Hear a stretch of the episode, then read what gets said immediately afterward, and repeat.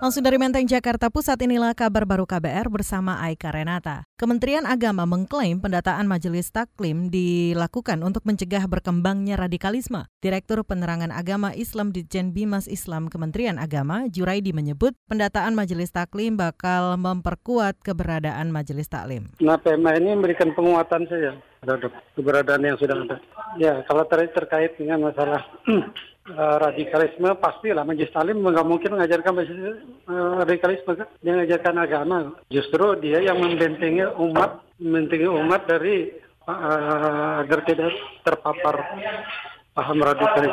Direktur Penerangan Agama Islam Ditjen Bimas Islam Kemenak mengaku selama ini sudah ada pendataan majelis taklim, namun datanya kurang valid. Pasalnya, pendataan yang dilakukan Kemenak belum ada standar baku. Sebelumnya, Saudara Kemenak mewajibkan majelis taklim terdaftar di Kementerian Agama. Kewajiban itu diatur lewat Peraturan Menteri Agama tentang majelis taklim. Isinya antara lain, setiap majelis taklim harus punya surat keterangan terdaftar atau SKT yang berlaku lima tahun.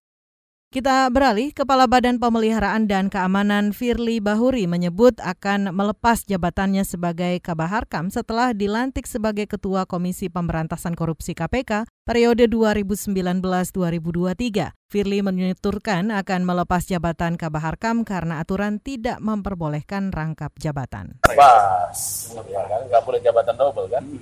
Kan aturan begitu. Firly menyatakan akan taat pada aturan dan menjalankan tugas Ketua KPK sesuai tugas pokok yang diatur dalam undang-undang. Ia akan bekerja mengusut kasus mulai dari yang besar hingga yang kecil.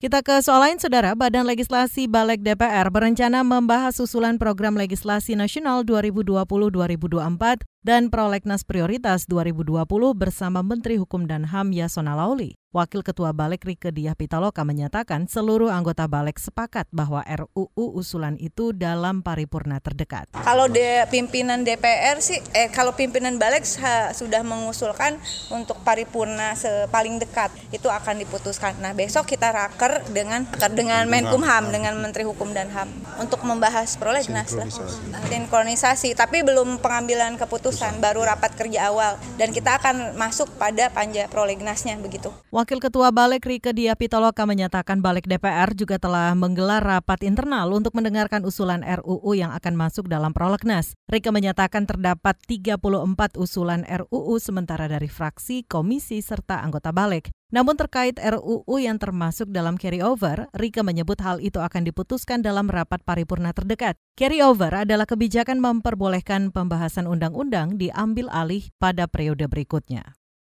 Kita ke satu informasi lain, Saudara Pemerintah menyasar perusahaan asuransi untuk menjadi investor pembangunan infrastruktur nasional. Direktur Jenderal Pengelolaan Pembiayaan dan Resiko Kementerian Keuangan Luki Alfirman menilai asuransi sebagai salah satu penopang industri keuangan di Indonesia. Oke, pertama adalah PR kita bersama itu bagaimana kita lebih membuat kesadaran berasuransi bagi masyarakat Indonesia. Karena gimana pun juga ternyata penetrasi asuransi Indonesia itu masih relatif rendah dibandingkan uh, negara-negara tetangga kita misalnya. Direktur Jenderal Pengelolaan Pembiayaan dan Resiko Kementerian Keuangan Luki Alfirman menyatakan pemerintah akan membuat kebijakan yang dapat meningkatkan peluang investasi dari sektor swasta termasuk dari kalangan bisnis asuransi. Misalnya dengan menggunakan tax holiday, subsidi anggaran, jaminan pembiayaan hingga pemberian insentif fiskal yang tergantung pada kebutuhan yang diusulkan para investor.